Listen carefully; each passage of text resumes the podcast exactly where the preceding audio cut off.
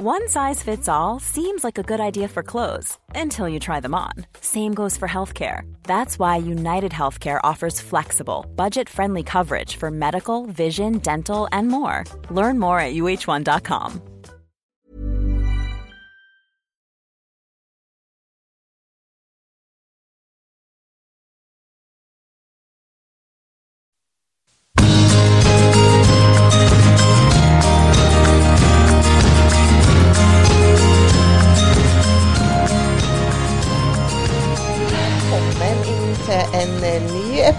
episode av Du er unik-podden. Jeg er Unni, og i dag så har jeg med meg ei i studio her som jeg kjenner veldig godt.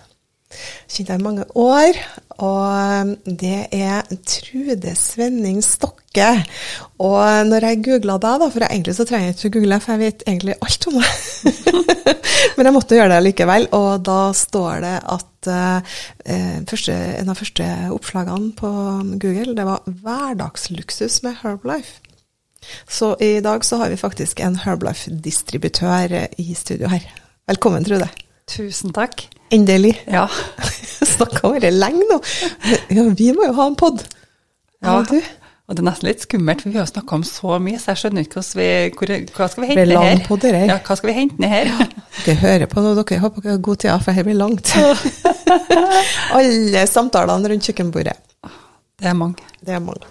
Du har eh, tre barn, tror jeg, og du er gift med en eh, Jan the Man. Jan Arve Arve Stokke, som mange kjenner. Vet du, han har jo blitt rikskjendis nesten, han. Ja. I hvert fall i Hørbladet.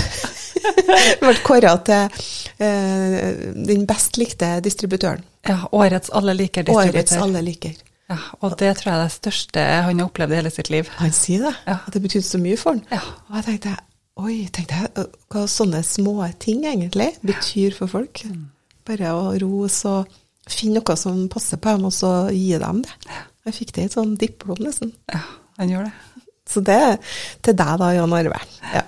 Men vi skal ikke snakke om en Jan Arve, han, vi, han er jo mann, så han eh, har jo egentlig ikke tilgang til Du er unik på den, for her er jo bare for damer. Men eh, vi skal snakke om deg, så hvem er du eh, egentlig da, tror jeg? Å guri meg, hvem er jeg? Vet du, når det første som dukker opp til meg, det er at jeg er Trude.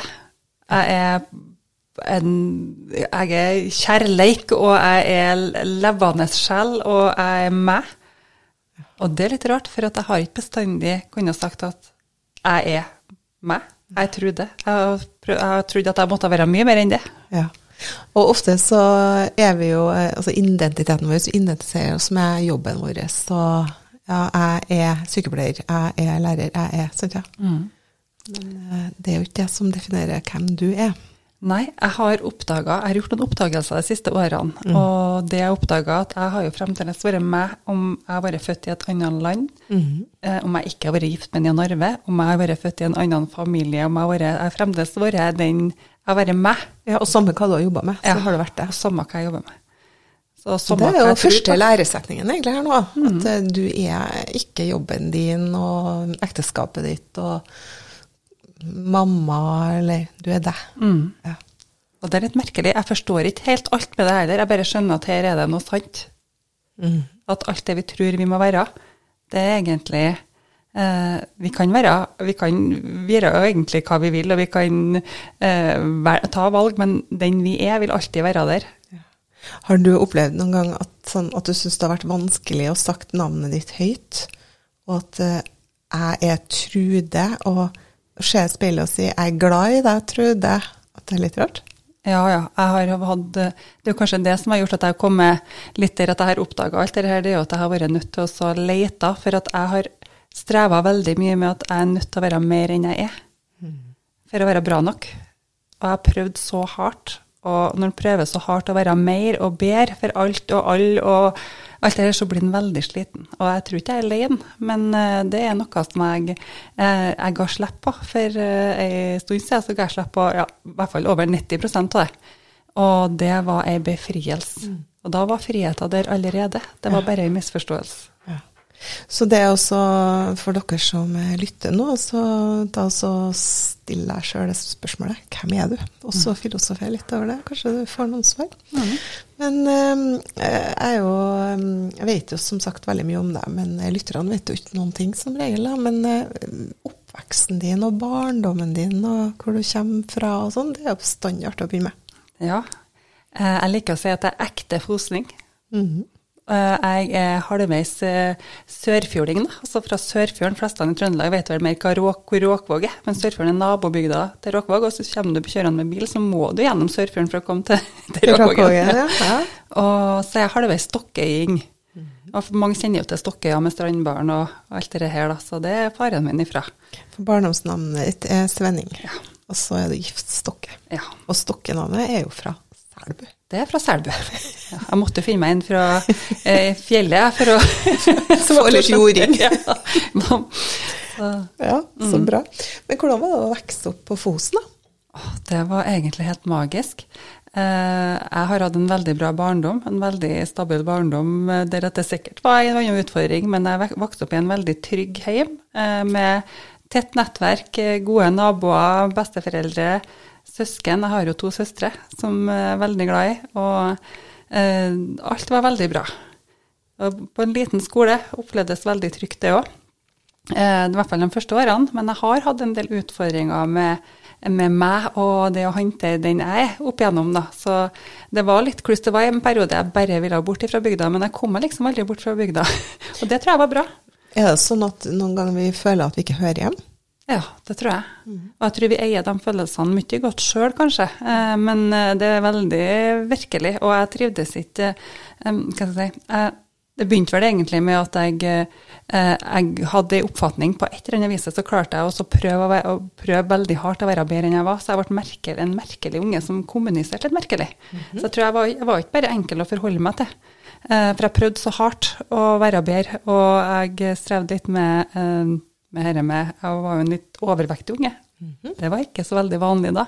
Nei. Så mora mi måtte sy klær til meg, og det fikk jeg noen kommentarer på, og dem tok jeg veldig personlig. Så jeg har jeg starta livet med å ta det meste personlig, egentlig, og det er vel ikke noe Vet ikke om det er en bra plan for noen, Nei, det kan vi jo snakke mer om. uh, men det er jo veldig vanlig når du er unge, da, at uh, andre sine meninger, det blir sannhet. Mm. Og det er trist. Det er det. Ja, det, er det er veldig fort gjort å spinne på det og i den alderen der, så jeg var mye Jeg følte meg mye utenfor og alene når jeg vokste opp, og jeg trivdes egentlig best. Jeg leste bøker. Når andre spilte fotball og var med på ting, så leste jeg mye bøker. Eh, og jeg eh, ble veldig god til å lese. Og du er veldig klok, så det var veldig smart. det kom noe godt ut av det òg. Det er ikke sikkert de er like kloke, dem som spilte ball. Nei. I dag? Ja, de, ja, jeg tror det er mange av dem òg, men det, det, var min, en, det, var en, gave til syvende og sist. Ja.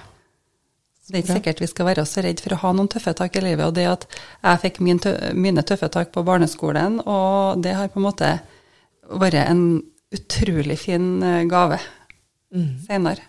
Du ser det nå? Ja, jeg ser det nå. At jeg ville aldri vært foruten. Rett og slett. Så det, det, er jo sånn med mange som har opplevd tøffe tider, at vi, når vi kommer oss igjennom det, og ikke blir der, så er det helt magiske ting som eh, på den andre sida. Og det er jo noe av det som har gjort at jeg har mer forståelse for meg, for kanskje for andre folk òg.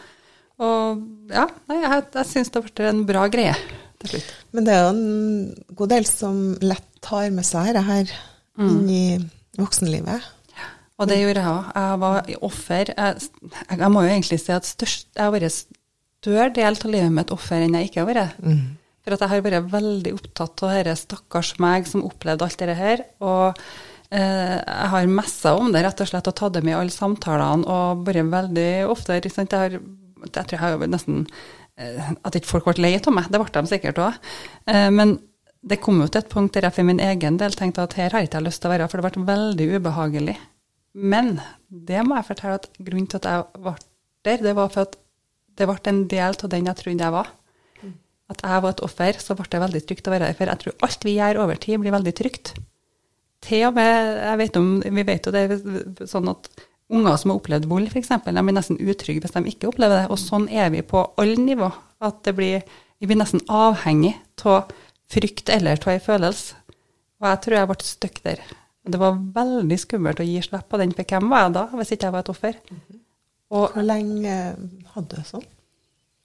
Jeg tror egentlig mer eller mindre jeg hadde hele livet. helt For det har jo vært sånn opp og ned. Det er jo aldri sånn at over natta så ble det borte.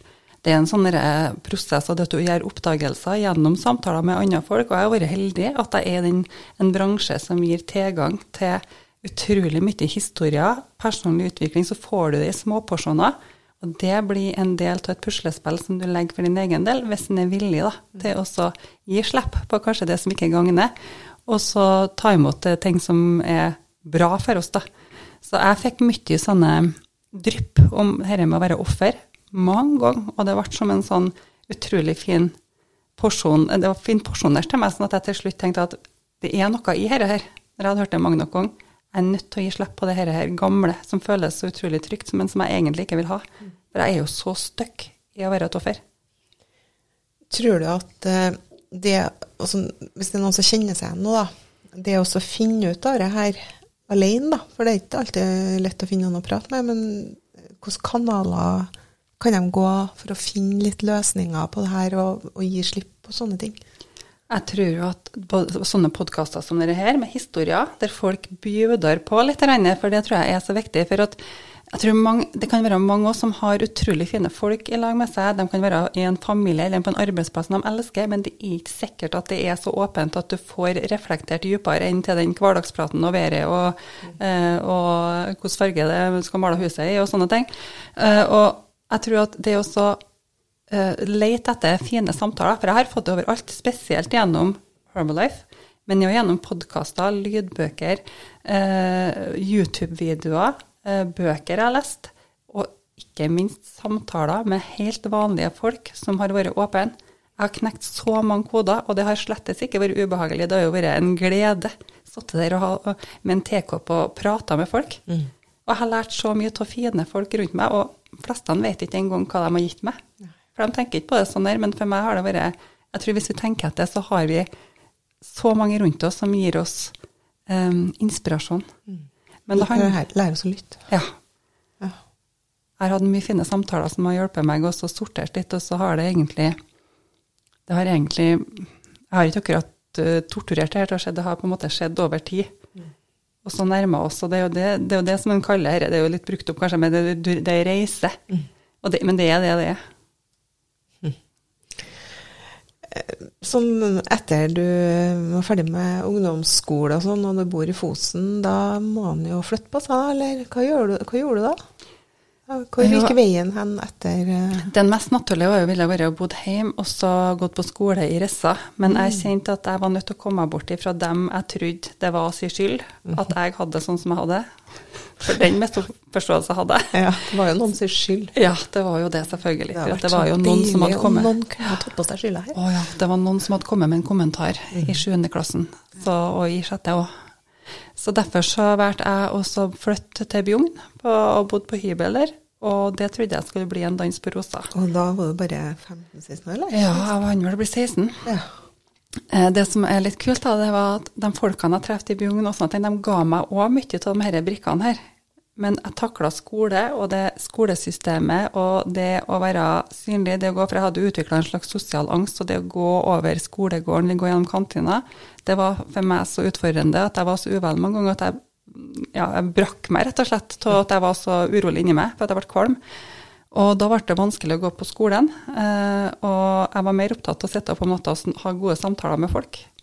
Jeg ble kalt inn til rådgiver, og de prøvde å fortelle meg at jeg hadde evner som jeg ikke brukte, og alt det her. Og det, jeg hørte ikke på det øret i det hele tatt, for jeg var opptatt av folk og kjente at det var en befrielse å slippe å gå og treffe så mange samtidig som jeg ikke kjente. Jeg, jeg hadde vel en slags Jeg har sjekka det, hva heter det, agorafobi, for åpne plasser. Ah, ja, ja. Så kjøpesenter, sk skolegården, kantin, alt for sånne ting der det var mye folk, ble vanskelig for meg. Og det har jo ført meg med store deler av livet. Så det var en befrielse når jeg tre måneder før tredjeklassen kunne bare slutte, for at jeg hadde ikke fått noe igjen for det året uansett. Så jeg har ingen utdannelse, da. Har ikke papir. Og det kunne være krise. Og det rareste det var at foreldrene mine de kunne ha laga skikkelig krisestemning, for de var jo opptatt av at jeg skulle fullføre utdannelsen min og sånne ting. Men de skjønte at eh, det hjalp ikke hva de sa, så, eh, for jeg var ganske bestemt. Så det jeg husker på, det var mora mi som sa det. Faren min sa ikke så mye, men mora mi sa det. vet du, Trude, Hvis du, da var det kanskje ikke det du skulle gjøre. Kanskje, Jeg er sikker på at det er en vei som er ment for deg, du må bare finne den. Tenk å si det til ungen sin på, som nettopp ble 18 år, og, det, det, kunne jeg ta med meg ut i voksenlivet. Mange ville ha sagt at ja, da gjør de ikke jobben sin som foreldre, men det var den beste gaven. For at jeg har hatt, til meg ble det ei tro på at ja, det finnes en vei for meg, jeg må bare finne den. Og det var 100% sant. Heia mamma. Heia mamma. ja, det var fint. Og hvor for du hen, da? Jeg prøvde forskjellige ting, da. og det er jo sånn vet du, at vi lager jo krisestemning. For det er noen ganger som det er noen ganger vi tenker, og det har jeg jo tenkt sjøl, at livet skal være så behagelig, og det skal være så rett, og vi må ta rette valg og sånne ting. Mønster. Ja, ja, og vi må passe på at vi ikke tar feil valg. Og guri meg, det, det må vi passe på at vi ikke tror for mye på oss. For det å ta noen feil valg, det har òg vært en gave. Jeg prøver meg i forskjellige jobber, men igjen det her at jeg tok ting personlig, at jeg var et offer, at jeg eh, var så hårsår. Eh, for at jeg hadde ikke noe god eh, sjølfølelse. Si, så det ble jo sånn at mange ganger så Når jeg fikk litt motbør, så tok jeg lett, letteste utveien, og så for jeg hjem. Og så slutta jeg. Uten noe plan. Du rømte? Ja, jeg rømte. Og det føltes som det letteste der og da, men det er klart at uh, det som dukka opp for meg da, det var at hva skal jeg bli?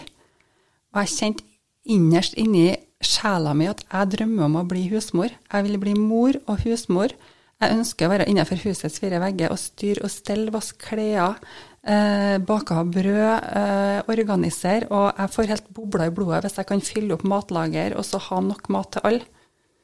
Det er bare det at Du skulle vært husmor på 50-tallet, Jeg skulle vært det. Det er, bare det, at, det er bare det at på 90-tallet, da, når det er husmor og skal fylle opp matlager, så er det ikke så veldig bra betalt. Så det blir ikke noe penger til å fylle opp matlageret. Nei. Så det var noe jeg hadde egentlig ikke tenkt på, for jeg har aldri vært opptatt av å Jeg har aldri hatt noen ambisjoner om å ha noe karriere eller noe tittel eller noe, noe sånn ville ting i livet mitt. Ikke om å reise, ingenting, ikke om opplevelser. Jeg drømte om trygghet, å gjemme meg og være anonym inni et hus. Eh, og så egentlig ha besøk en gang iblant, dra på campingtur en gang i året, og finne en mann som jeg kan leve av med, kanskje få friske unger, sant? ha 20 barne, sånne, barnebarn. Sånne ting drømte jeg om. Ja, det var en god drøm, det. Ja, det det. Men uh, fikk du oppfylt drømmene? Ja, jeg gjorde, gjorde det. Ja, men ikke til å begynne, det var litt kronglete. For at det var jo sånn, du kan ikke på en måte leve bare til å være husmor i Norge i dag. Og det å være husmor, det, det, når jeg sier bare husmor, mm. så er det mange som tolker det.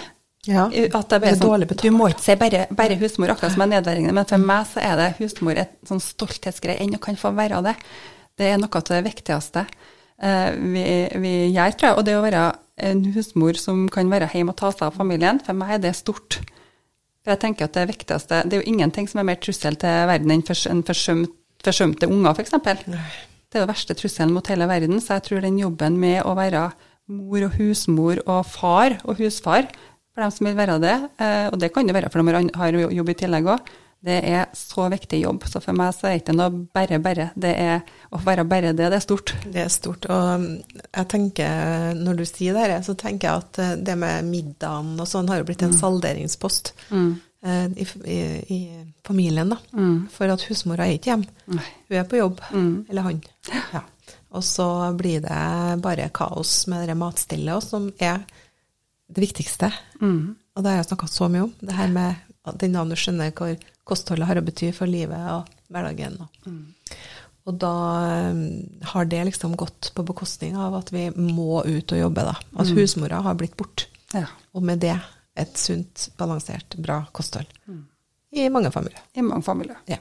Og jeg tror det går an å få til med både jobb og alt mulig, sant? hvis at du eh, legger opp etter det. Men jeg tror det går ikke an å få til alt. Så hvis at en har jobb, så går det an å være husmor og mor eller husfar og far og så ordne alt det der, men da er det noe han må gi slipp på for å få det til. Mm. Og jeg merker, og det skal jeg si, at jeg er ikke noe sånn mønsterhusmor. Jeg har også på det her, men det er bare at jeg har min versjon av det. Og jeg tenker jeg prøver så godt jeg kan, og det er mer enn det jeg kan ikke gjøre.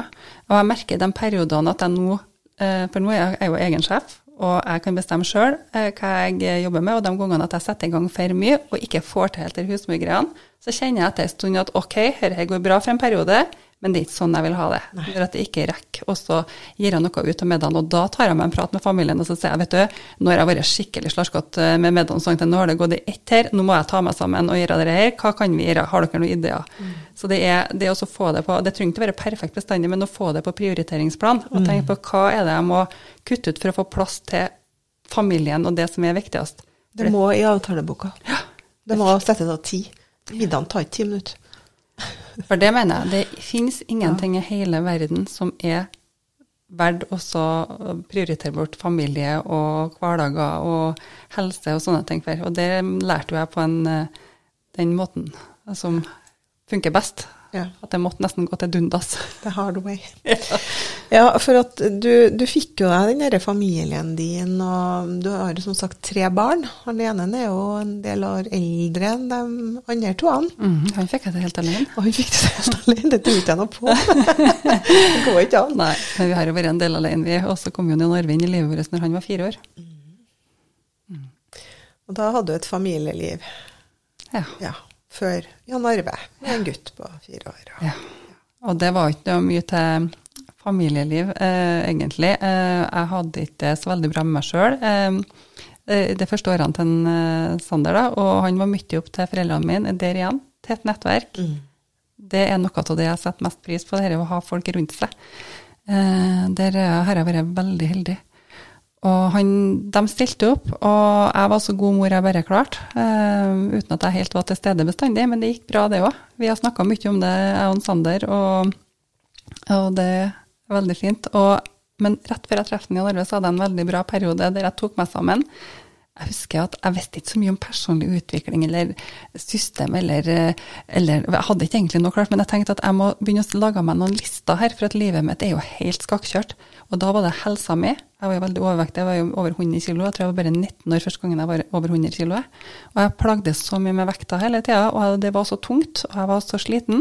Jeg følte meg ikke bra, hadde ikke lyst til å gå ut. Det var enda en grunn til at jeg ikke hadde lyst til å gå ut. Du får ikke lyst til å danse når du drasser rundt på noe som ikke føles som med deg. I hvert fall så trivdes ikke jeg med. Og så, så det var helsa mi, det var økonomien, det var eh, Og så hadde jeg skrevet opp 40 punkter. At hvis jeg skulle finne en mann, så skulle han være sånn og sånn. Og da passa jeg på å skrive opp så mange at det var helt umulig. Var, jeg skrev til og med opp hvordan han skulle oppføre seg når, vi, når han var i lag med vennene mine. Okay. så det skrev jeg ned i, i noen papir. Så jeg begynte å ta tak i det. Først så gikk jeg ned i vekt, og da solgte jeg meg ned i vekta. Så jeg ble jo helt psykisk uh, merkelig. Men, uh, for jeg visste ikke hvilken måte jeg skulle gjøre det på. Jeg prøvde noe sånn her, eh, å spise veldig lite, og det gikk jo nedover med vekta, men det var ikke noe bra på sikt.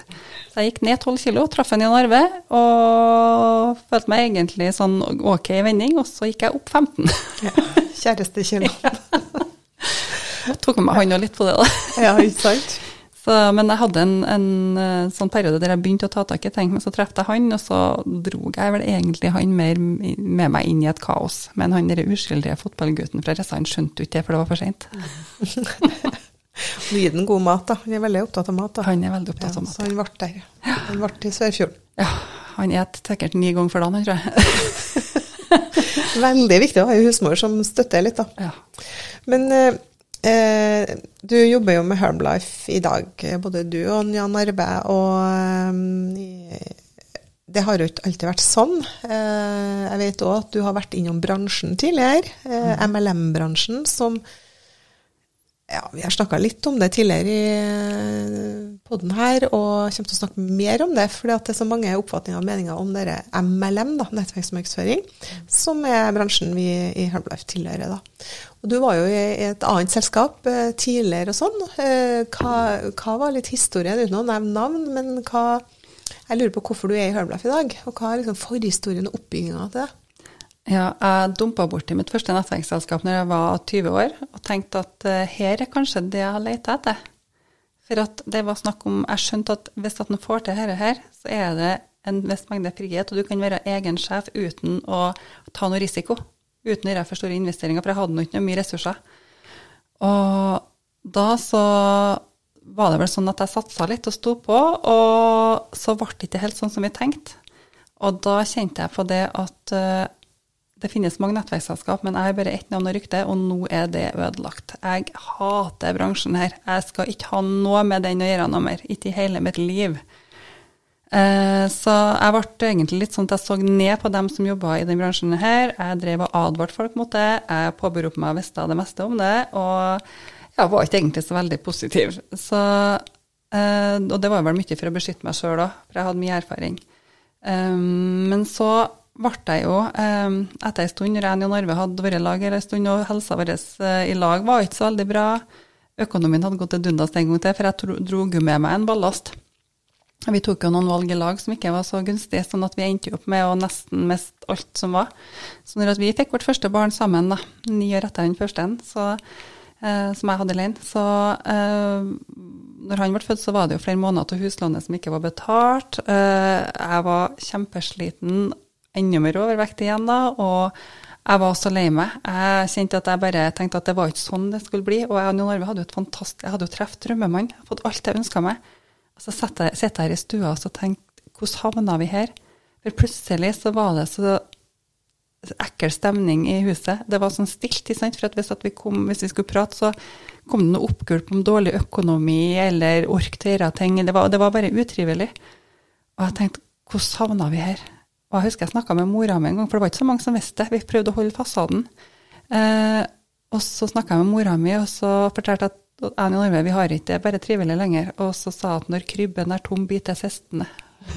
Så, og krybba var tom. Det var tomt overalt. Det var tomt med penger, det var tomt med energi. Eh, vi hadde ikke noe bra med oss sjøl, hadde ikke overskudd til hverandre.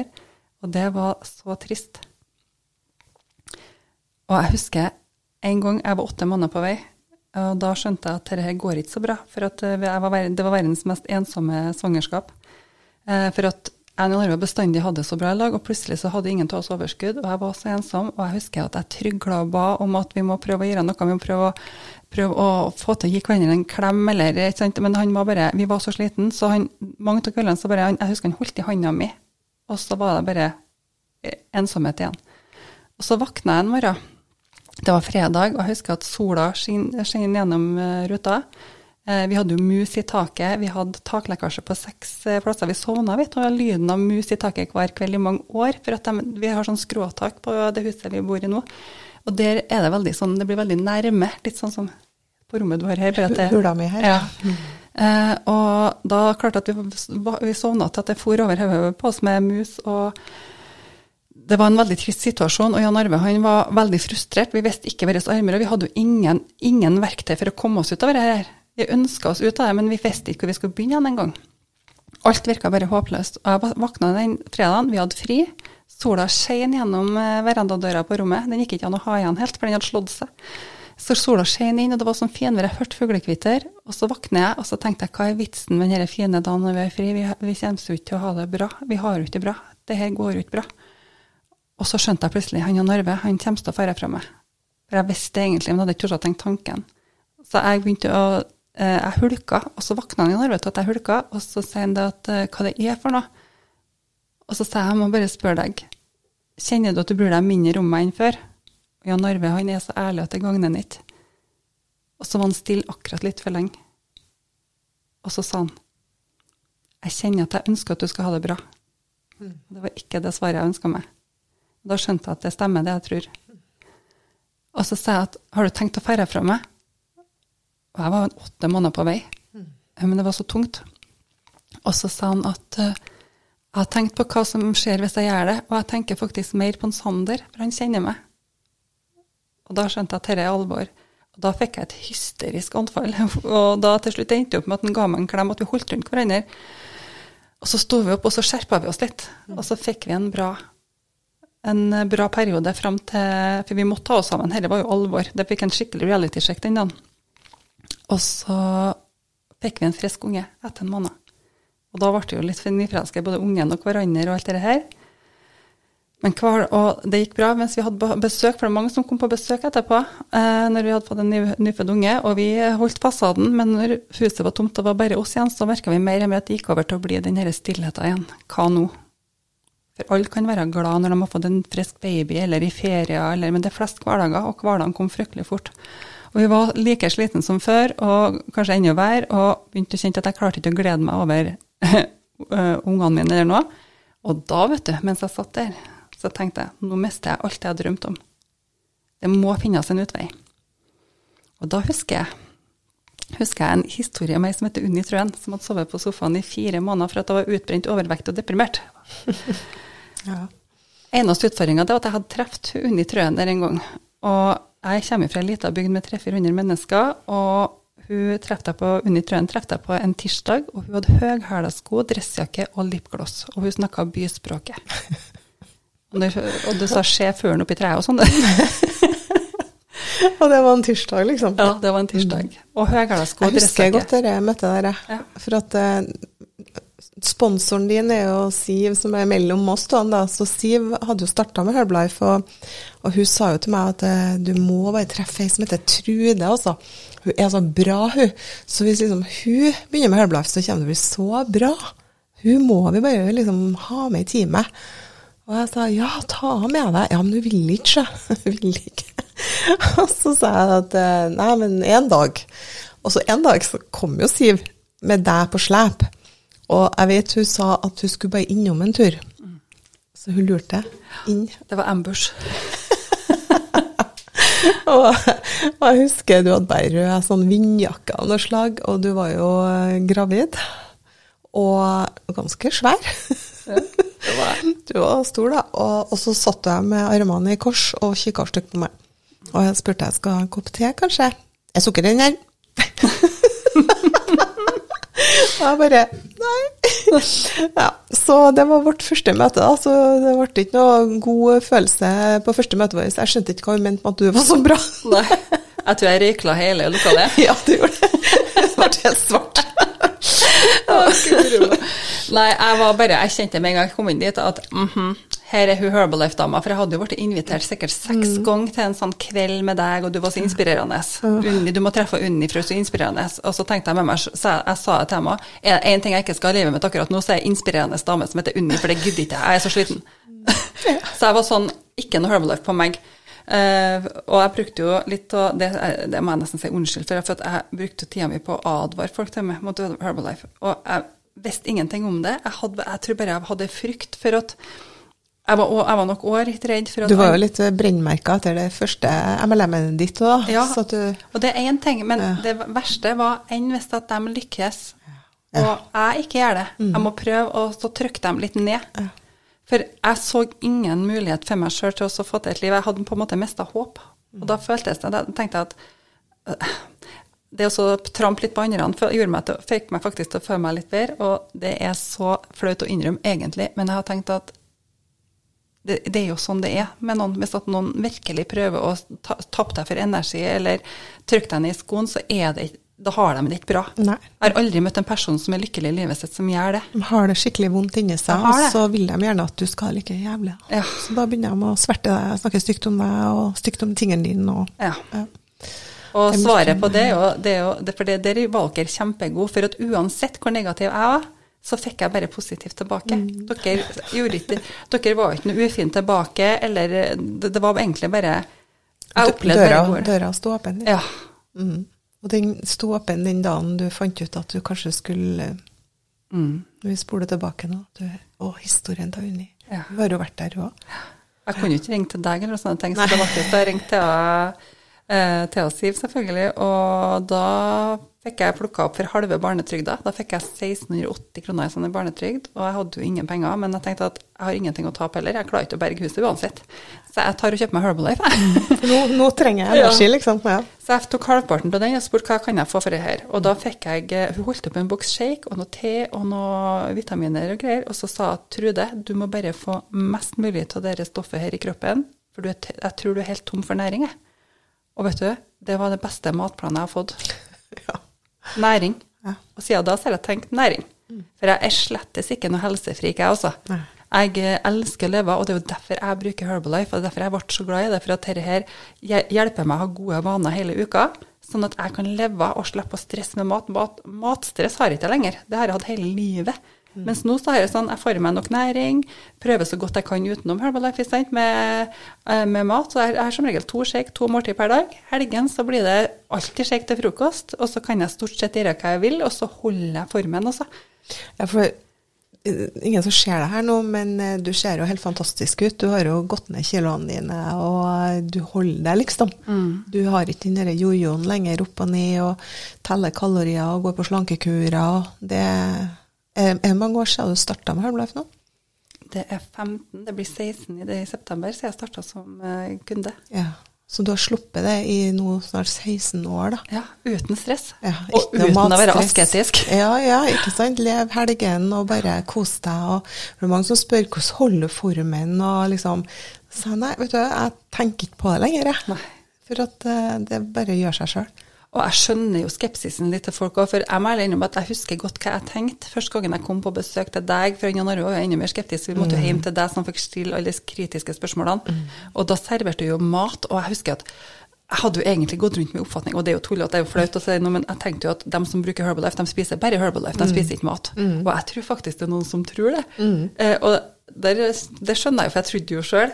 Men så er jo det at det er, når jeg har truffet mange i Herbalife, så tenker jeg at det er jo største livsnyterne. Og det er jo en Vi har grunn- spist tomt noen hoteller. Ja, det er det som er. I seminar så må vi advare på kjøkkenet. Det, det går mye mat på de buffeene, altså. Det det. Og de bare Ja, ja, ja. Og så ennå så blir det for lite. Så det kan vi bare avkrefte med en gang. ja. Det er dem som er helsefrika, de har sitt opplegg, de elsker det, og de nyter å stå på kjøkkenet, hakke grønnsaker og spise torsk og brokkoli til frokost, f.eks. Men de som er i Herbalife, mesteparten av dem er livsnytere som rett og slett har nytt av livet litt for mye, og så kunne de ikke nyte av livet like mye som før for at helsa svikta. Så Herbalife er jo bare en råenkel måte som alle kan få til, som smaker godt for folk å holde helsa si på plass, samtidig som de ny- nyter livet. Gode vaner over tid som kan, alle kan få til, rett og slett. Og ikke minst å balansere vekta, og ikke bli overvektig. Ja. Få av seg kjølene, og så holde det der. Mm. Fantastisk. Og nå snakka du faktisk om kilo, og du vet at det er noen som sier at det må ikke vi snakke om. Sa jeg? Ja, det er det. Og noen som sier at vi må ikke snakke om vekt. Skal og vi skal om ikke inches. Nei, men vet du, jeg vil bort ifra dere. Vi må snakke om kilo. Og jeg har en, jeg har en, et, eh, en nabo som ikke bruker Herbalife, men hun er veldig opptatt av vekt av at hun elsker å gå i fjellet. Hun har har hatt plager med knærne. Hun holder seg så uh, lett som mulig gjennom sunt kosthold, for at hun vet at det går å slite på knærne hvis at uh, hun blir overvektig. Da kan ikke gå i fjellet til, og hun ønsker å gå i fjellet til 100 år, sant? Så det er en ting som vi ikke vi tar med. Med vi, vi linker vekt opp til utseende. Det handler minst om det, handler mest om belastning Og helse. og helse. Mm. Det, nei, det, vi kunne ha snakka lenge om dette her. Jeg tror vi må ha egen pod om det. Men, eh, men det, det der med at du da Du starta som kunde, og jeg husker jo veldig godt at uh, Jan Arve sa det at uh, han hadde fått seg en ny kone. Du fikk jo kjempegodt resultat. Du ble glad igjen. Eh, positiv og begynte å gjøre ting i heimen som bidro, og det var liksom Så han var jo så happy, og han kunne gledelig liksom ofre noe penger på disse produktene, men du fikk ikke lov å jobbe med Herbalife, for det hadde dere gjort nok, og skulle ikke jobbe. Nei, han ba meg innstendig Nå har Jan Arve nekta meg egentlig noe, men han ba meg innstendig om å, om å være på et seminar og sånne ting, og jobbe med det her. Det var bare Det var ikke bra. Det var pengesluk, og det var Ja, det var Det kom ikke til å bli noe av. Han, han sa rett ut at 'jeg ville oss ikke så vondt som å tro på noe igjen'. Nei, enn det. Og det er jo ofte sånn at uh, vi har noen drømmer vi mål, og vi, gjør ting i livet vårt, og så, så mislykkes vi, da. Det er sånn som jeg òg. Jeg mislyktes jo med drømmen min om å starte butikk på Oppdal, og jeg tenkte hva sier alle sammen nå, og hun liksom Det ble ikke noe. Og det var sånn nederlag, da. Og da blir du livredd for å, å skal satse på noe igjen. Så og, og jeg må jo bare si da, at du må aldri la være å satse igjen. Hvis du har blitt slått til bakken, så går det en eh, nedtelling til ti i bokseringen. Og du er ikke ute før den er ferdig telt. Det er nettopp det. Så det, du kan riste deg altså og starte på nytt igjen. Og det gjorde du. Det gjorde vi. Begge to. Du starta først. Han hadde jo eh, sin jobb, Ja. og du satsa. Ja. Og han støtta meg etter hvert. Mm. For at uh, jeg fikk jo mine første folk som, Det var folk som spurte meg, jeg klarte ikke å tie stille, for jeg hadde, fikk jo sånn overskudd. Og så fikk jeg det til. Husk på, jeg kunne sikkert ha fått det til med mat hvis jeg har blanda i urter og veid maten min og lært meg på det, gått skole og sånne ting. Men jeg tenkte dette her fikk jeg til så enkelt. Og jeg ble jo så entusiastisk, for at det var enorm mestringsfølelse i å mestre sin egen mathverdag, og ikke stress med mat lenger. Og jeg var mett hele tida. Jeg, syntes- jeg gleda meg til å Jeg syntes det smaka godt. Så klart at, da klarte ikke jeg å tie stille, så jeg snakka jo med søstera mi og mora mi og alt det her sant, om overskudd. Og så hadde jeg jo litt neglekunder, for jeg hadde jo, jeg var jo, hadde, har jo et fullført kurs, og det er neglekurs. og da, Det har du diplom på. ja, og da var det ei som spurte meg liksom sånn, og syntes at jeg blomstra og så ut som jeg har fått ansiktsløfting. Og det var før jeg gikk ned noen særlig vekt, altså. Men jeg bare tror at det kommer innenfra. Du kan ikke sminke bort hvor sliten du er. Så jeg bare følte meg så bra. eh, Og det var ikke etter, det var bare etter et par-tre uker, altså. Og så bare eh, eh, fortalte jeg at vet du, jeg har begynt med noe som heter Herbalife. Jeg har fått så mye overskudd. Og Herbalife, ja, det hadde jeg hørt om. Ja, så sa jeg at ja, jeg, hva gjør du, sa jeg. Så jeg nei, jeg, jeg tar en shake til frokost og en til kveld, og noen ganger til lunsj, og så spiser jeg vanlig mat, og så blir det Jeg, jeg, jeg kjenner at jeg tror jeg får i meg bare all næringa jeg trenger. Og så sa hun at hun hadde en samboer som så mye med, middagskvil, så hun kan tenke seg at han har prøvd, da. Eh, For å se om fikk noe, for han spiste ikke frokost. Så hun ble kjempefornøyd med det resultatet han fikk, rett og slett. For jeg, hadde vel egentlig ikke tenkt jeg skulle jobbe med det. Men når han fikk overskudd, så tok hun med seg to venninner på besøk til meg. Og over kjøkkenbordet der, så husker jeg at de gikk ut med samme varene som jeg hadde. Og jeg husker at da kjente jeg mine første 1200 kroner. For jeg hadde jo egentlig kjøpt bare varer til meg sjøl med litt rabatt. Og så fikk jeg plutselig, kjente jeg plutselig 1200 kroner. Og det merkeligste, for at vi hadde sittet her i to timer, snakka om livet, og spi- drukket te, spist proteinbar, og så har de fått smaka på sjokoshaken min. For jeg lager jo verdens beste sjokoshake, og den fikk de smaka på. Og de ble så overraska over at det smaka godt. Ja. Og så sa de ok, vi vil ha dette her. Uh, og jeg husker nå at de gikk ut, så var jeg litt sånn paff. For der satt jeg, og så begynte jeg å tenke to timer. 1200 kroner delt på to timer. Det er 600 kroner timer i brutto timelønn. Og så har du bare kosa deg. Ja, på å drikke te og snakke om livet, og ha det kjempekoselig, og fine folk, ikke sant. Og jeg bare tenkte at enn hvis det, det, var, det var et frø eh, som ble sådd der. Jeg tenkte enn hvis Og når jeg snakka med Jan Arve om dette, så sa han ja, ja, hvis du vil på seminar, så må du bare gjøre det. Så sa jeg jeg tror jeg skal det. Så jeg tok jo penger jeg egentlig ikke hadde. og så reiste jeg til Oslo på seminar. Og da hadde jeg et mål før det seminaret om at enn om dette kan være en familiekonto, hvis jeg tjener 2000 kroner i måneden, så kanskje vi kan dra på kino en gang iblant. Kanskje vi kan eh, handle litt til helga, for det var ikke sånn at vi kunne fylle diesel og handle til helga noe spesielt. Det var, eh, det var så lite penger. Eh, og det at, og jeg så for meg familiehelgene da, sant? med det 2000 ekstra i måneden. Og det var drøm nok, det. Og så skulle jeg aldri røre den sparekontoen annet enn til familien. Men så kom jeg på seminar, og så tenkte jeg ok, jeg er skeptisk. Hvis jeg treffer fullt av folk med en agenda som skal prøve å få meg til Jeg hadde fremdeles med meg litt den der, den der ambush. Enn hvis det er noen som har en agenda. Men jeg tenkte jeg stiller opp, jeg skal stole kun på meg sjøl. Og så møtte jeg opp, og jeg satt og lytta hele helga til helt vanlige folk som stotra og stamma. Det var, jeg skjønte at dette var sant, dette var slettes ingen agenda, og det var levende for meg. Det var ikke sånn hva heter det, fingert, hvordan man sier det. Det var ikke sånn manus. Og jeg følte at det var sant, og så tenkte jeg at dette skjønner jeg, og her tror jeg faktisk at jeg kan være. Her tror jeg det er nok å være Trude. Jeg tror ikke jeg må være noe annet enn meg sjøl. Og det har jeg klart å være. Det er noen som tror at eh, hvis du skal starte med produktene til Herbalife og bruke dem, så må de selge dem også. Å ja, nei, det er fullstendig valgfritt. Ja. flestene skal nok bare bruke dem og kose seg med dem for egen del. Ja. Og, ja. De fleste i Herbalife er bare, i gåsehudene, Ja. bare eh, kunder. Det er noen eh, ja, 27% tror jeg sist jeg hørte, som jobber, Ja. sånn som oss. Helt perfekt. Så, um, så hvis du hører på oss nå, så tenker jeg at det har vært artig å prøve dette her frokosten eller noe av sportsproduktene eller noe sånt. Men du tør ikke, for at du tror du må jobbe sammen med oss, og ta det helt med ro. Ja, det går helt fint. det går helt fint. Jeg tror det er viktig å være klar i kommunikasjonen sin da, på Ja. hva han vil. At han ikke at han har litt ryggrad. Mm. Sant? Det er noen som har ryggrad som en kokt spagetti, at de har egentlig bestemt, men så tør de ikke å si det. Sant? Og så blir det sånn at nei, kanskje vi skal nei, Så være litt sånn bestemt og kommunisere bra på hva Hva han vil. Ja. Mm. Ja. Rette seg opp og si kan, og, og stå for det, og kjenne at en kan godt se, men her er jeg akkurat nå. Hvor lang tid tok det for deg å, liksom skjønne at det her var noe du kunne leve av, og, og ikke bare 2000 i måneden, liksom? Hvor lang tid tok det for deg å bygge opp en seriøs forretning? Mm, skal vi se. September, oktober, november. Altså, jeg starta september, reiste på mitt første seminar i januar, og da hadde jeg tje- tjent sånn 5000-7000 i måneden. Men etter jeg var der, så bestemte jeg meg for at oi, kanskje jeg skal gjøre litt mer ut av det. Og så ble det fort 20 000, så ble det 30 000, så ble det 27 000, så ble det, så jeg hoppa litt opp og ned. Og så husker jeg en måned jeg stod og venta, for at eh, Herbalife er alltid punktlig med betalingene sine. Og jeg husker en måned at jeg Og det var jo bare etter Jeg tror det var bare et, et, ha- det måtte være etter et halvår eller sånn. Jeg husker ikke helt, men i hvert fall så husker jeg at jeg venta på det, så skal jeg gå inn og se, og da holdt jeg på å koke havregrøt til ungene. Eh, og for da hadde jeg fått et barn til.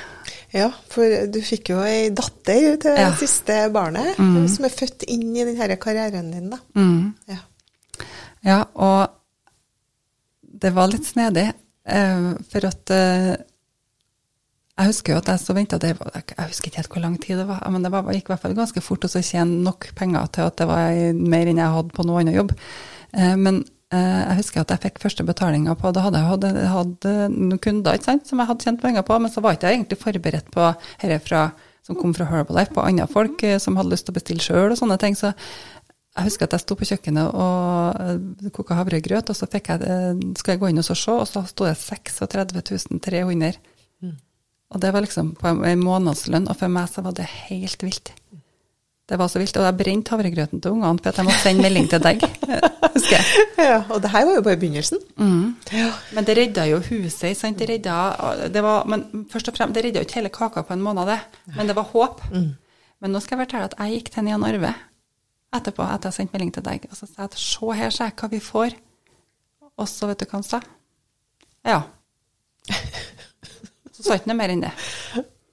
Og så ble jeg litt irritert og sa det her er jo kjempebra, jeg er ikke takknemlig, takknemlig, er ikke glad? Jo, sikkert. Og så går det opp for meg, han tror fremdeles ikke på det. Nå har vi tjent penger i mange måneder som har hjulpet oss mer, men han klarer ikke å tro på at det varer.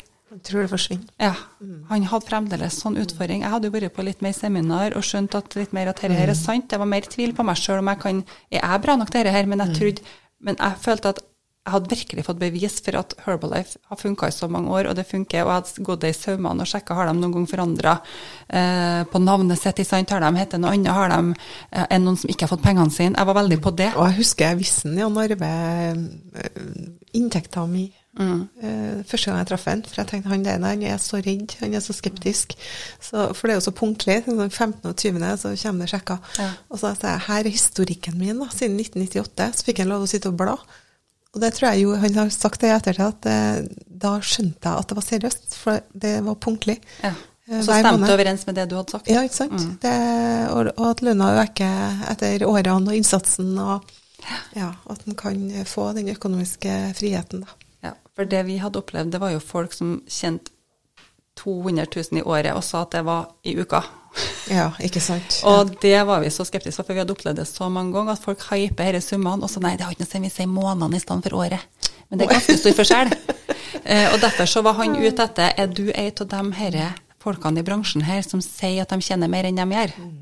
For da har det rakna til han, altså. For han er, eh, han er veldig opptatt av at det skal være ærlig, og det er klart at det er det minste. Ja, og det er jo det som er litt synd for bransjen vår, da, at det har vært eh, noen useriøse aktører i, i markedet, som, eh, og da tror du at alle er likedan.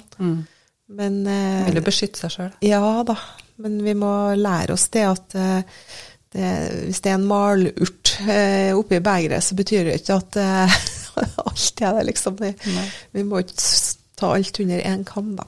Nei, og jeg tenker at så stolt som jeg var av de 1200 kronene. Ja. Det er den historien jeg bruker ennå. For etter hvert så blir du jo vant til at det kommer inn penger på en konto, så tar du nå det du trenger til businessen, og Ja. tar du det du trenger til privatbruk og sånne ting. Men greia er at de første 1200 kronene, det er så mye penger, det. Og hvorfor en skal være nødt til å så si at det er 1200 eh, det, det, på to timer, det, det er helt vilt hvis en tenker på det. For en hobby. En er ikke nødt til å si at det er noe mer. Nei. Være stolt. Stolt av det, for Mm. det er jo livsstilspenger. Det, det her er 1500-2000 kronene ekstra i måneden som du kan bruke på livsstilen din, da, som Mm. ikke du normalt har råd til. F.eks. å gå ut og spise eller kjøpe noe ekstra. Det er nettopp det. Ja. Men Trude, eh, du var jo du var jo bare liksom så vidt 30 år du, når du starta. Mm. 46. Mm. Eh, hvordan har livet forandra seg for deg og familien? Åh, guri meg. Det er jo ikke bare Økonomisk er jo én ting. Vi berga jo hus og hjem eh, og begynte å pusse opp. Vi fikk eh, ordna med ny bordkleding sånn at det ikke kom inn mus. Vi fikk tetta taket. Eh, vi fikk sette inn nytt kjøkken sant, som funka, og vi har gjort mye sånne ting og pussa opp, rett og slett. Eh, og det var jo så vi fikk berga heimen, til, og vi hadde overskudd til familien. Men ikke minst alle opplevelsene jeg og Jan Arve vi har brukt. Han, jeg tvingte han jo til å bli med på første seminaret etter en stund. For jeg tenkte at hvis at jeg fortsetter å gå jeg vil ha med meg det han her jeg vil ha. For vi fikk det jo bedre i lag og når vi fikk overskudd. Og så er det det at eh, jeg vil ha med meg, for hvis ikke så er jeg redd for at jeg går i en retning og han i andre, og dette her er mannen jeg vil ha. Og jeg tvingte han rett og slett med av kjærlighet. Så jeg tenkte at dette vil jeg ha. at vi Du, skulle gjøre jeg husker den derre Hva var det du sa til han? Ja, eh, det var med produktene. Han er jo to år yngre enn meg, og han er veldig Han har fått noen trusler opp igjennom. Han er veldig opptatt av at han er to år yngre enn meg. Eh, og da Han var jo ikke interessert i å bruke produktene, så i ett og et halvt år så hadde jeg et kjemperesultat med produktene og alt det her, mens han fremdeles sov på sofaen og drakk cola og spiste ostesmørbrød på kveldene. Og til slutt så måtte jeg bare kjente jeg at han har det jo ikke bra, han var jo på gastroskopi, han plagdes jo så gærent med forskjellige ting, og så klarte ikke å spille fotball noe mer, og var sliten rett og slett. Til slutt så gikk han på, og da hadde vi jo fått da Mia faktisk, før han tok dette seriøst. Eh, Så vi har fått vårt andre barn i lag. Og så gikk han på stua og sa har du lagt merke til at jeg administrerer hele livet vårt, mens du tar oss Jeg har jo ganske bra resultat. Ja, det hadde han lagt merke til. Og du ligger fremdeles på sofaen, sa. Du sovner etter middagen hver dag med fjernkontrollen oppå brystet, liksom, og T-skjorta sklir opp, og du har brødsmuler på brystet. Så jeg kjenner at jeg er veldig glad i det, men kan du tenke deg til at jeg er like forelska om 20 år hvis det her fortsetter? Jeg tror rett og slett jeg må finne meg en som er enda yngre. Og da setter han seg opp i sofaen, han. Og la ansiktet i, i hendene, og så gjemte ansiktet sitt. Og sånn da, og så, sen, så tenkte jeg nå begynner han å grine. Eh, Og det har ikke skjedd så mye av før, for han er ikke noe sånn. Han er, han er ganske stabil sånn sett. Og så sier han plutselig da, bakom hendene der, Trude, jeg elsker cola. ja, jeg vet det, men hvis du blander cola og i en gjærdeig, så er det ikke noe rart kanskje at du sliter. Så det er til å noe. Så setter jeg 37 grader cola og gjærdeig. Ja. Brød og cola. Hva skjer? Du kan jo prøve å lage en tett bolle og sette i 37 grader, og så lukter du på det. Åpne. Det er jo gass. Ja. Det er klart ikke rart at den har harsbrann og brystbrann, og at magen ikke fungerer. Det er jo, de fant jo ikke noe galt. Og de fleste som har vært på gastroskopi, finner jo ikke noe galt. Det er jo kjemi. Det er en kjemisk reaksjon, ja. ja. Så han eh, var så fortvilt, han var så lei til at jeg snakka med kosthold. Og så sa jeg til han, men kan du gjøre meg en tjeneste, ta 14 dager av livet ditt, og så tar du tre shake per dag, og så trenger du ikke å kutte ut noe. Gjør alt det samme, men Mm. i tillegg ta tre shake. Ja. Hva skjedde da? Han tok tre shake, han lova meg det. Mm. Etter, noen, etter ei uke så sa han at, sa han plutselig du, vet, du, nå kjenner jeg at jeg, cola smaker ikke så godt alene lenger. det er mest i lag med, Jeg kan ha jo dekket med mat, men det er ikke jeg, jeg, ikke, jeg har mer lyst på vann, egentlig. For det tar bort litt av det her søtsuget. Og eh, ja, vil, det er jo sånn når kroppen blir litt, eh, fungerer litt bedre, så sier han fra. Og så etter en måned eller to så hadde han jo gått ned masse i vekt og slutta å sove på sofaen. Men sjøl var han så reine fornøyd og bare for rundt og surra. Han var mer glad og sånne ting. Men det er jeg som måtte fortelle det, for han er jo litt sånn at han ikke legger merke til ting. Han bare Jan Arve, han er enkel sånn. Han finner seg stort sett i alt. så han, eh, Men eh, når vi begynte å snakke om det, og når vi begynte å tenke tilbake, så tenker han jo herregud, jeg har jo jeg føler meg jo bedre og bedre. Så etter én til to måneder så måtte jeg begynne å si at det skjedde noe, men etter det så bare la han merke til det sjøl, at dette her er jo, jeg føler meg jo som en ressurs for familien, for folk rundt meg. Han slutta å sitte sånn og dra i skjorta si og følte meg seg bedre. Sant? Han begynte å, det var en helt annen Jan Arve, helt annen energi. Så det, han, og han er jo den som kanskje er mest fornøyd med Han er, helt, han er så glad i den livsstilen her. Og han har aldri spist så mye god mat som etter vi oppdaga Og verden. Og aldri vært så slank. Nei, den. Altså, jeg må passe på så det ikke ser ut som en fyrstikk. Nei, han føler seg bra. Nå Ja. er det lett å Og for han òg, han liker å gå på fjellet. Nå er det lett å gå på fjellet. Han går jo nesten Han har fått i seg en Siberian Husky, og han går jo nesten like fort som hund i fjellet, når han, eh, for det er lett. Så han elsker eh, den han er nå i kroppen, og sånn at han får til å gjøre det han vil. Og så um, det med drømmer, da. Du drømte jo om å være husmor. Men eh, har du utvida det drømmekartet ditt litt? Å, guri meg, jeg har jo så mye drømmer. Eh, og Har du åpna opp litt? det handler mer om Lærte jeg å drømme? Jeg har tatt bort noen begrensninger, og da viste det seg at det var noen drømmer der. Så jeg tror ikke det at vi ikke har drømmer. Det er mange som sier jeg har ikke noen drømmer, men jeg tror at alle har det. Det er bare at det er begrensningene som skygger for det som havtåker. Sola er der, altså, men det er havtåker som skygger for. Men vi har alle inni oss, jeg tror Når vi er født, så er vi, er vi født med alt vi er ment til å være. Og noen ganger er begrensningene våre som setter en stopper for det. Og jeg har jo ikke, fremdeles ikke noen sånne drømmer. Jeg plutselig så liker jeg, jeg reiser jo verden rundt med Herbalife, men det jeg elsker mest, er jo hverdagene i frihet, for frihet trumfer alt. Og nå er jeg fri til å være husmor når jeg vil være husmor, til å jobbe når jeg vil jobbe. Jeg er fri til å, uh, å jobbe med hvem jeg vil, hvor jeg vil.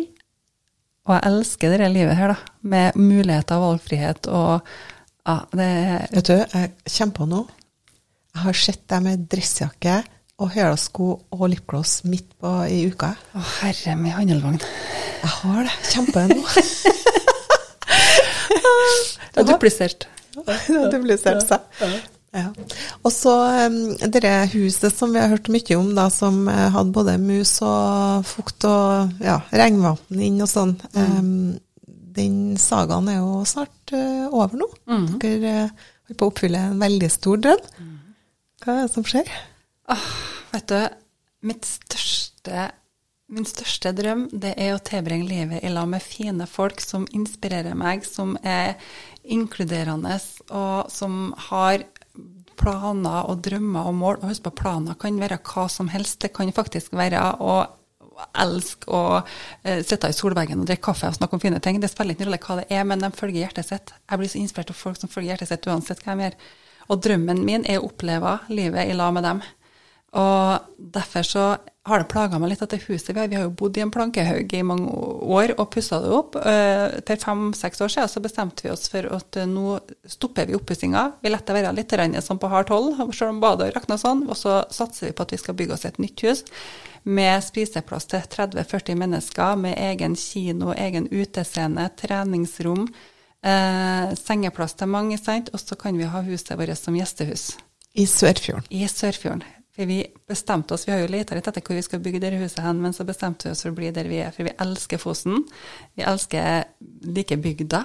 Vi har fantastiske sambygdinger som vi opplever heier på oss og på alle. Eh, og vi har ei fantastisk nabobygd som vi elsker å være i, og der vi treffer fullt av folk. Eh, så vi bestemte oss bare for at det har vi lyst til å dele med folk. For det å dele Du vet, jeg spiser ikke biff alene, vet du.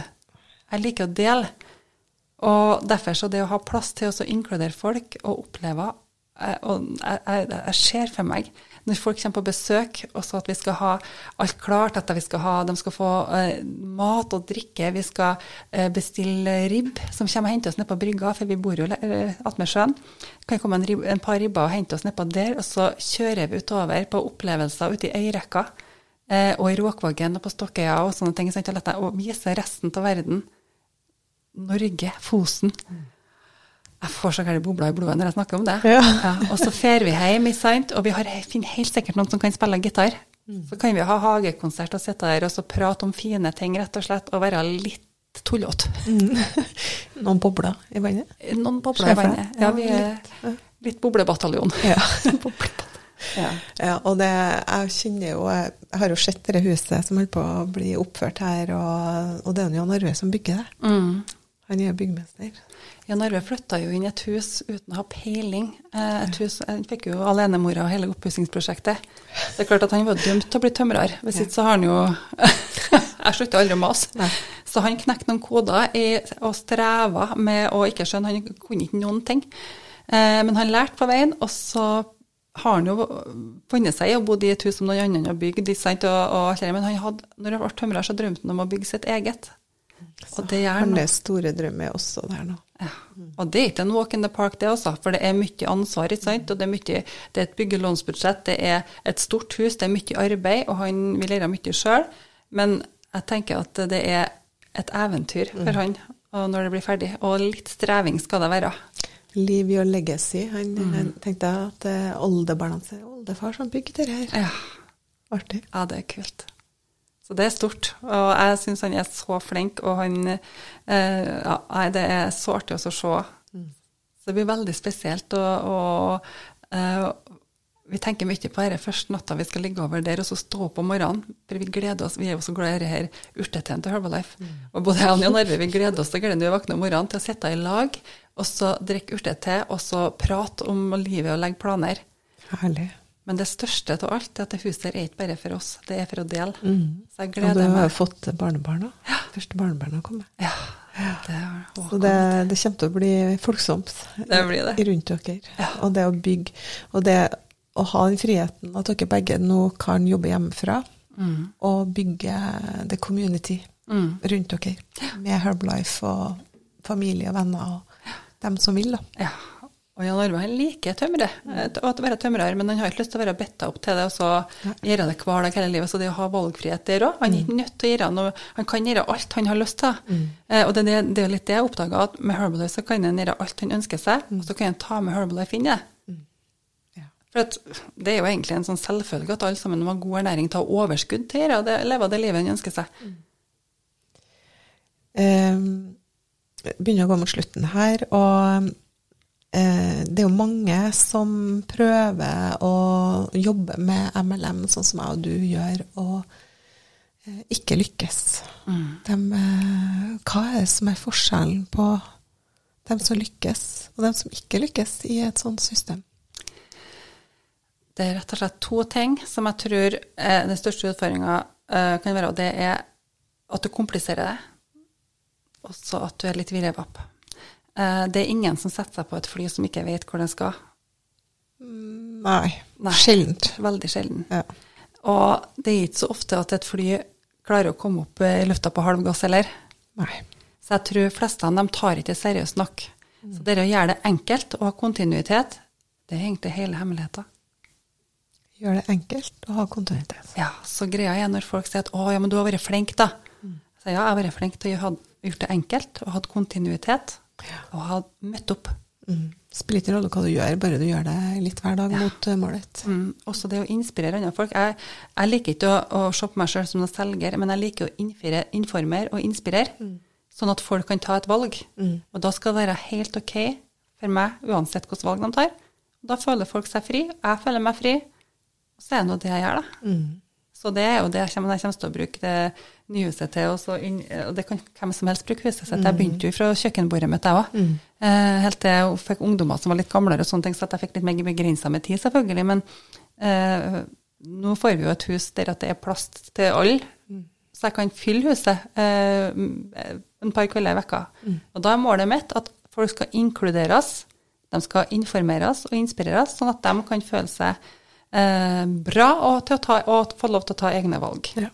Og, det, det, vi hater jo å bli solgt, det. Ja. Åh, da, da, får jeg helt eh, klørne ut. Ja, ja. Jeg går i de klesbutikkene der jeg får være fri til ja. å velge. La meg være, liksom, og så spør jeg hvis jeg lurer på noe. Ja, det, det, det, tror jeg er viktig for alle som jobber i MLM, og det å slutte å plage folk, og at de på dårlig må kjøpe det du for jeg, jeg ønsker jo for alle jeg er glad i, at de skal bruke produkter, for jeg vet mm. hvor godt det blir, da. Men jeg kan jo ikke gå rundt der og trø den boksen er i halsen på folk, da. Du må jo bare nødt til å ja, gi dem Her er jeg, her er muligheten, og så vær så god hvis du vil. Ja. Det er en buffé. Og det er jo det jeg tenker, at for mange så er jo det mest stabile i livet deres. Mm. For livet er livet også, rett og slett. Det er sånn som det er, og det er gode tider, og det er mindre gode tider. Og sånn skal det være. Det er ingen som slipper unna. Men at vi er der alltid for å støtte folk i å ha en bra livsstil og inspirere med både matoppskrifter, bakeoppskrifter, shakeoppskrifter, eh, aktiv livsstil, eh, litt eh, dele det vi bruker sjøl til mentalt påfyll. Mm. Dele historier er åpen, sånn at folk føler at det er ok med å ha forskjellige perioder i livet. Hvis vi kan være det resten av livet for folk, da er jeg happy. Ja. Og så var det en som sa helt i min tidlige start at det er ikke pengene jeg har tjent, men den personen jeg er blitt det, mm. underveis. For du lærer så mye om deg sjøl med å jobbe med andre og drive egen forretning. Uten, sånn som du sier, det å starte opp egen forretning uten å panse et hus og hjem. Mm. Her er det for alle. Ja. Du kan bare begynne med deg sjøl, invitere noen rundt kjøkkenbordet, og så er du i gang. Og så kan du gjøre det så stort som du bare vil. Sånn som jeg og du som nå lever veldig godt av det, har fått den økonomiske friheten vi har. Og så er det åpent for alle. Mm. og alle kan lykkes. Jeg, jeg har trua på det. At alle kan lykkes, bare du vil det nok. Ja. Og Største grunn til at folk kanskje er litt stuck der de er, da, for det er mange som kjenner, går rundt og kjenner på en sånn følelse at åh, er dette alt livet er? Mm. Er alt det? Ja. Og så tror jeg at mange ganger handler det om eh, Vi snakka litt før i dag, jeg og du, om denne hummerhistorien. Ja. Den er ganske kjent, dette med hummeren. Er, en hummer er jo egentlig et veldig sånn eh, et bløtt dyr, et mjukt dyr, som er veldig sånn Det, det bare bor inni et skall. Og når hummeren vokser, så må jo hummeren skifte skall. Hvis ikke så kveles den jo inni det skallet og blir aldri større. Og da må man være villig til å så krype ut. Og det er veldig farlig, for når man skal ut av det skallet, så kan det faktisk rive seg oppå. Og han må være villig til å bo eh, litt farlig en stund, for det er jo mye annet dyr som kan ta han. Men så kommer det et nytt skall som er større, og så blir han større og kraftigere og får til eh, det, det, er egentlig så fin, eh, fin historie, det der. Og jeg hørte historier om at enn hvis hummeren, da, som kjenner at skallet begynner å bli veldig trangt, og det begynner å bli veldig ubehagelig å være der den er, hvis den har gått til legen, da har han blitt medisinert og advart mot dette ubehaget. Og så er jo det helt feil, for at det ubehaget er jo det som får oss til å vokse som personer og oppnå alt vi ønsker oss. Og bli større og sterkere. Mentalt, ikke minst. Ja, for vi blir utsatt for mye ikke bra ting, da, ja. alle sammen. Og ja. vi, blir, vi, blir, på en måte angrepet, da, med ord ofte. Ja. Ikke fysisk, men med ord. Ja, og så bryr vi oss. Ja, så bryr vi oss veldig og leier oss, og, og, så vil det definere meg, liksom. Det mm. som andre mener om meg. Ja. Og det blir jo helt feil. Så hvis du går rundt nå og er veldig lei deg og bare lyst til å ligge i fosterstilling fordi at noen har sagt noe stygt om deg, så mener jeg, da må du bare reise deg og bli så stor du kan, og så løfte haka di og være stolt, for du er mer enn nok. Det er ikke farlig og det er deres mening. Det er ikke farlig å være litt sårbar. Nei. Styrke seg sjøl og gå igjennom også. Mm. For det kommer til å gå over. Mm. Ja, jeg bruker å si jeg har til gode å se at det ikke blir bra. Oprah, Oprah, Winfrey hun sier, eh, sier, det egentlig så godt, og jeg har hørt en del på det. Det er jo sånne puslespillbrikker jeg har fått. ikke sant? Hun sier at Når du kjenner det, at du bare sånn tenker at åh, hva, hva, er det som skjer, hvorfor får jeg alt dette her? Ja. For det er jo ting som kan være skummelt, sånn, ting vi har litt frykt for. Og så er jo det er jo liksom Vi må jo bare sette oss ned og tenke OK, nå er det som det er. Hva er det som er neste rette skritt? Og der igjen har jeg lyst til å egentlig si at, det er historie om sånn som folk lever livet sitt. da. Det er historie til en som heter Darren Hardy. Som, han, han, forteller historie om en mann. Han sammenligner litt med livet til folk. At det er en mann som rir i full galopp på en hest gjennom en eh, landsby. Det ser ut som han skal noe veldig viktig. Og så uh, spekulerer han på hva, hva skal han gjøre, han er på vei i full fart. Og så er det en som roper 'Hei, hvor skal du hen?' Og så roper mannen tilbake 'Jeg veit ikke, spør hesten'. Og sånn lever jo mange av oss i livet vårt, at vi vet ikke egentlig hva det er som er målet med livet. Vi vet ikke hva vi har lyst til, vi kjenner ikke egentlig etter. Vi bare havner i det rotteracet. Så beste tipset mitt, sett seg ned, se for seg hvilket liv er det jeg ønsker å leve. Hvis jeg bare kunne velge. For det kan jo faktisk. Så hvis du skal nå si og avslutte med det beste tipset ditt til dine medsøstre som hører på nå, så er det det. Det er det. Kan du gjenta det? Det å sette seg ned og kjenne på hvilket liv er det jeg ønsker å leve. Og så, når du tar valg, da, så spør du deg sjøl fører dette meg mot det livet jeg ønsker å leve, eller bort fra det. Og da vet du svaret. Tusen hjertelig takk, eh, Trude Svenning Stokke, for stunda. Og aldri glem at du er unik.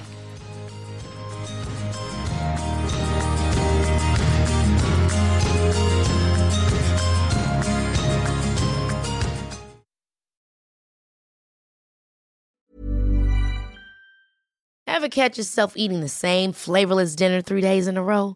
Dreaming of something better? Well, HelloFresh is your guilt-free dream come true, baby. It's me, Kiki Palmer. Let's wake up those taste buds with hot, juicy pecan-crusted chicken or garlic butter shrimp scampi. Mm. Hello Fresh. Stop dreaming of all the delicious possibilities and dig in at HelloFresh.com. Let's get this dinner party started.